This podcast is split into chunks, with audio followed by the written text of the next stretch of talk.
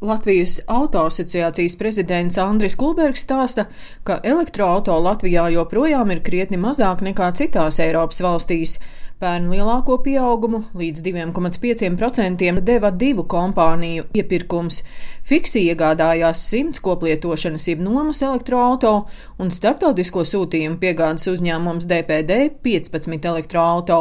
Šogad nopirkto elektroauto daudzums ir tikai 1,5% no kopējā pārdošanas apjoma. Lielu artavu šogad deva, protams, hokeja čempionātā Škodas jaunais elektroflagmanis. Tas tika realizēts par speciālu čempionāta akcijas cenu 80 automašīnas Otrs, ko mēs novērojam, tāda interesanta tendence, lietotās elektroautomašīnas īpatsvars palielinās ar katru mēnesi importā Latvijā, un, protams, ka procents vēl joprojām ir zems, tas tikai 1% sastāv no importētām automašīnām, bet pagājušais mēnesis jau parādīja to, ka ir rekords 58 gabals. Puse no visām ievestām automašīnām ir tieši BMW i3, kurš ļoti iecienīts sieviešu vidū, un it īpaši Rīgā, pierīgā dzīvojošiem cilvēkiem, kam ir savas privātmājas, un uh, kam šis ikdienas nobraukuma attālums ir mazs, 100 līdz 150 km Iegādāties vairāk nekā 40 vidēji draudzīgus transporta līdzekļus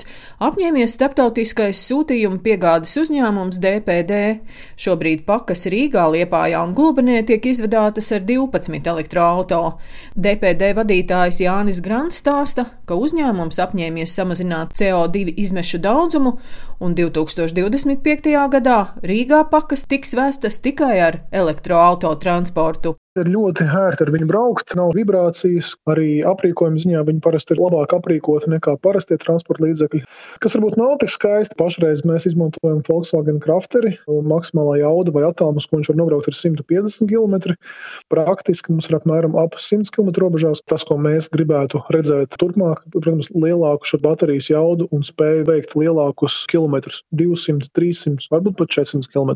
Ja mēs runājam par privātu transportu, jā, tur ir pietiekoši daudz transporta līdzekļu, no kā izvēlēties. Iespējas ir daudz un dažādas. Piedāvājums vismaz komerctransportā, ja mēs runājam, ir pietiekoši mazs pāris gadus atpakaļ, kad mēs sākām testēt pirmos transporta līdzekļus, cenas bija praktiski divreiz lielākas nekā iekšzemes zinēja būs. Savukārt tagad jau šīs cenas kļūst tādas pieejamākas. Latvijas auto asociācijas prezidents Andris Kulbergs vērtē, ka joprojām elektroauto cenas ir dārgākas nekā līdzīgas automašīnas ar benzīna vai dīzeļdegvielas dzinējiem. Nepietiek ar stāvvietu jautājumu vai lētāku uzpildes iespēju kā elektrības uzlādi pret benzīnu.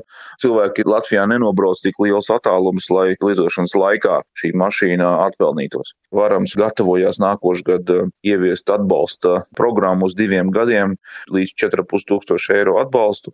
Tas arī noteikti dod savu artavu tanī, ka daļa no pircējiem atliek šo pirkumu uz iespējams nākošo gadu. Un, protams, ka tas atbalsta līmenis, kas tiek plānots nākošu gadu, diemžēl ir izstrādāts tikai uz privātpersonām un pašvaldībām. Tad kompānijas nevarēs pretendēt. Kaut gan, ja mēs paskatāmies no reģistrācijas, reģistrācijām lielākais īpatsvars tieši elektromašīnās iegādājas kompānijas, kuras ir ar zaļo kursu, zaļāk domājošas. Jaunām mašīnām tas aptuveni ir no 80 līdz 90%, lietotājiem aptuveni 50 līdz 60%. Bankas Luminor ekonomists Pēteris Strautiņš uzskata, ka tieši uzņēmumi novērtēs ieguvums no elektroauto ilgtermiņā. Ko nozīmē pārējai uz elektroautorātu? Tas nozīmē, ka sākotnējais ieguldījums par pašu mašīnas iegādi ir lielāks, bet pēc tam izdevumi ir mazāki. To mēs redzam daudzos gadījumos, arī, teiksim, kā notika pārēj uz jaunu veidu spūdzēm. Tas pats cilvēki redzēja to zemāko cenu tradicionālais spūdzītei, bet viņi nepadomāja par izdevumiem, kas būs pēc tam. Tātad lielākajai daļai cilvēku tā iekšdedzes zinēja mašīnu zemākā iegādes cena, nu, kas vēl ilgu laiku būs zemāka. Tas būs tas, kas noteiks viņu izvēli uzņēmumi, kuros ir eh, profesionāli finansisti, kas saprot tādu jēdzienu kā mašīnas dzīves cikla izmaksas, viņi būs entuziastiskāki. Un tā loģika ir ļoti vienkārša. Iekšdedzes dzinējam kopējā efektivitāte ir eh, ap 20% vai drīzāk mazāk. Pats iekšdedzes dzinējs iznieko vairāk kā pusi, vismaz divas trešdaļas enerģijas, un tad vēl ir zudumi, tur nafta pārcēcējot, pārvadājot un tā tālāk. Savukārt elektriskajai mašīnai, ja elektrība tiek iegūta no atjaunojumiem resursiem, no saules vēja un tā tālāk. Tā efektivitāte ir ap 70%. Un skaidrs, ka nākotnes pasaulē vienkārši nevarēs turpināties tāda enerģijas izšķiešana, kā bijusi līdz šim. Eiropas zaļā kursa mērķis ir līdz 2050. gadam padarīt Eiropas Savienību par pirmo klimata neitrālo kontinentu pārtraukt benzīna un dīzeļdegvielas automašīnu tirzniecību, pakāpeniski plāno vairākas Eiropas valstis, Norvēģija to plāno izdarīt jau līdz 2025. gadam. Daina Zalamane, Latvijas radio.